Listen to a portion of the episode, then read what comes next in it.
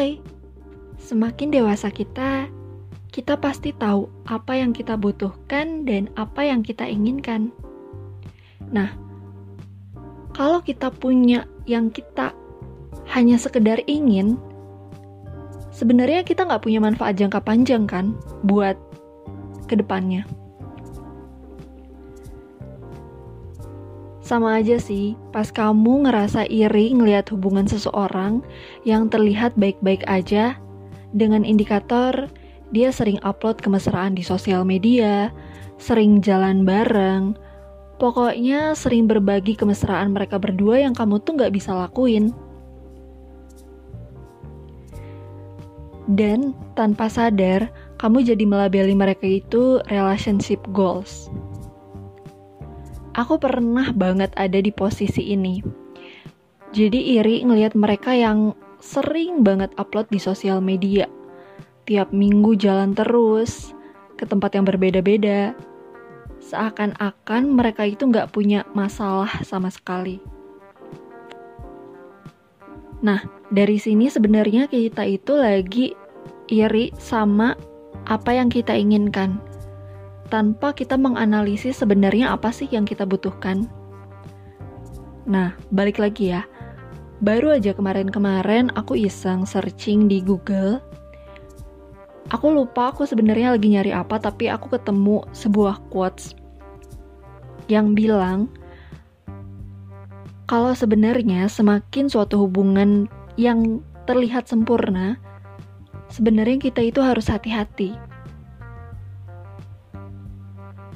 karena sebenarnya banyak banget yang ditutupi dari si kesempurnaan ini. Quotes ini nih, menurut aku berlaku bagi yang menjalankan hubungan dan bagi sang pengamat alias orang-orang yang kadang suka iri. Bagi yang menjalankan hubungan, maksud dari quotes ini itu adalah kamu harus hati-hati kalau kamu punya pasangan nih yang sampai sekarang belum menunjukkan kekurangan dia, atau kalian nggak pernah berantem sama sekali? Kalau menurut aku sih, itu artinya kalian masih kurang deep talk atau ngobrol yang berkualitas. Coba deh, pertanyaan ini cukup kamu iya atau tidak dalam hati aja. Karena cuman kamu kan yang tahu sebenarnya memang kamu kurang ngobrol yang berkualitas sama pasangan atau enggak. Dan buat pengamat, quotes ini tuh sebenarnya mengartikan bahwa kita sebagai pihak ketiga nggak usah iri sama hubungan orang. Karena setiap orang, setiap hubungan itu punya cobaannya masing-masing. Sulit ya untuk nggak iri sama hubungan orang. Karena kita pasti hanya percaya pada apa yang kita lihat dengan mata kepala kita sendiri Meski sebenarnya jelas-jelas itu nggak akurat, kita cuma ngeliat hubungan yang mereka mau tampilin aja di depan publik. Kita nggak tahu real life-nya kayak gimana kan? Kita nggak 24 jam bareng mereka, atau bahkan kita bukan temen deketnya mereka. Ya pokoknya mau nggak mau, cara gampangnya deh ya, kita harus mengimani atau percaya aja deh kalau setiap hubungan itu punya cobaan masing-masing. Coba dari dasar dulu deh ya.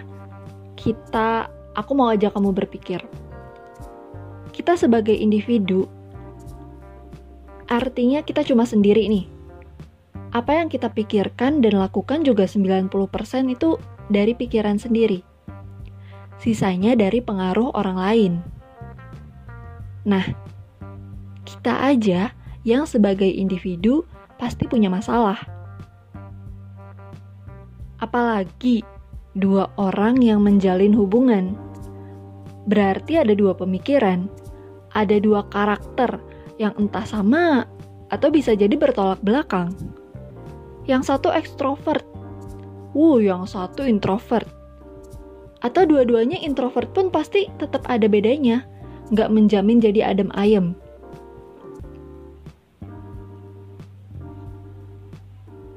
Karena mereka lahir dari latar belakang keluarga yang berbeda kan.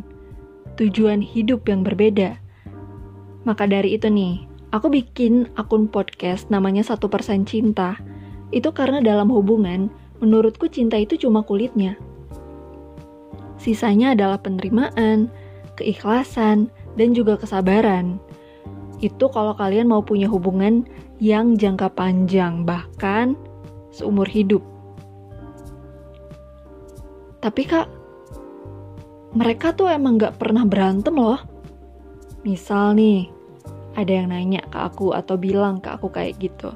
Aku bakal jawab, iya, emang ada pasangan yang kayak begitu jenisnya. Mereka terbebas nih dari masalah internal. Gak pernah berantem karena memang satu visi satu misi. Tapi pasti ada masalah lain, yaitu masalah eksternal.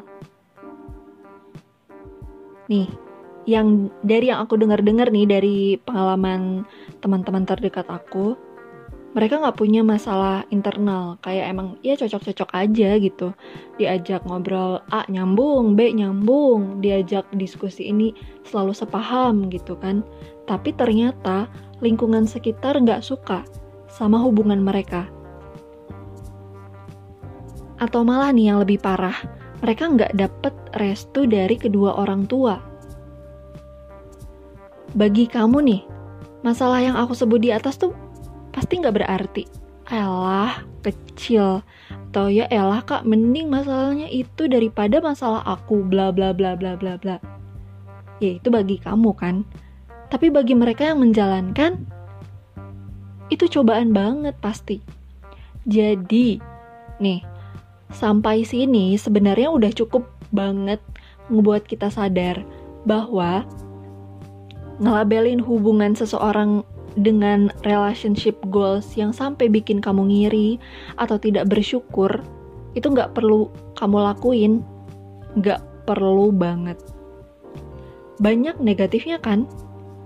Energi kamu malah kebuang untuk ngebandingin hubungan tanpa berusaha membangun hubungan yang baik versi kamu dan pasangan sendiri.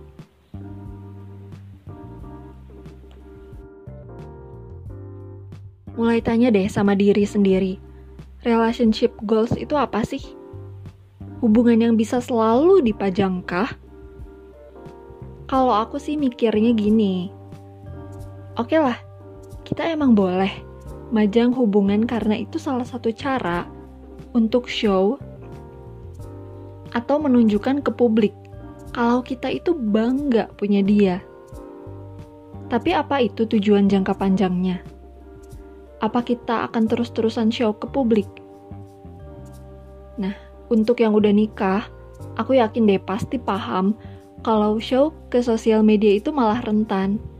Ya nggak sih? Rentan dilihat sama orang-orang yang pengen punya pasangan kayak pasangan kita. Dan kemungkinan terburuknya timbullah yang namanya perebut pasangan orang. Buat kamu nih, yang sama kayak aku posisinya, menginjak umur 20-an, umur di mana sebentar lagi akan ada pertanyaan yang eh gitu ya, yang greget. Kapan nikah? Nah, di umur-umur yang segini nih, kalian harus udah mulai sadar bahwa relationship goals yang sebenarnya itu ketika kamu berhubungan sama seseorang dan kamu punya tujuan yang jelas tujuan yang realistis.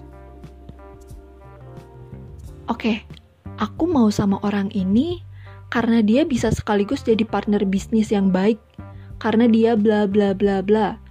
Dia juga paham kekurangan aku dan dia bisa mengatasinya. Begitupun aku. Aku paham kekurangan dia dan kekurangan dia itu masih bisa aku atasi. Gitu misalkan ya. Intinya hubungan kamu itu bisa membawa pribadi masing-masing menjadi lebih baik dan bertumbuh.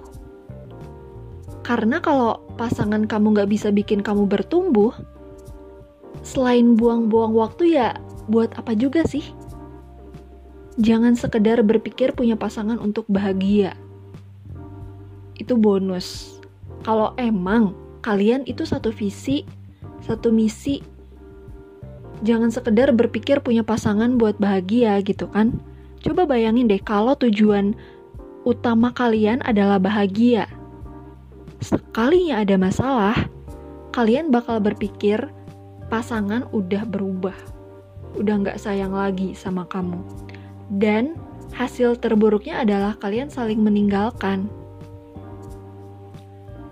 Setelah kamu punya tujuan bareng, apa coba yang harus dilakui? dilakui, dilakukan. Komitmen, bener. Formal banget ya, dan biasanya cowok ini nih yang suka males diajak komitmen. Gak semuanya ya, tapi kebanyakan. Jangan sampai deh kalian menganggap sepele komitmen. Mau ngelamar ke tempat kerja aja nih, pasti ditanya komitmennya mau kayak gimana kan? Padahal kalian cuma staff di situ dan bukan founder dari perusahaan itu. Lah, kalau dalam hubungan nih, ibaratnya kalian itu kan adalah founder dari hubungan itu sendiri. Jadi harusnya lebih detail dan serius gitu dalam mempersiapkannya.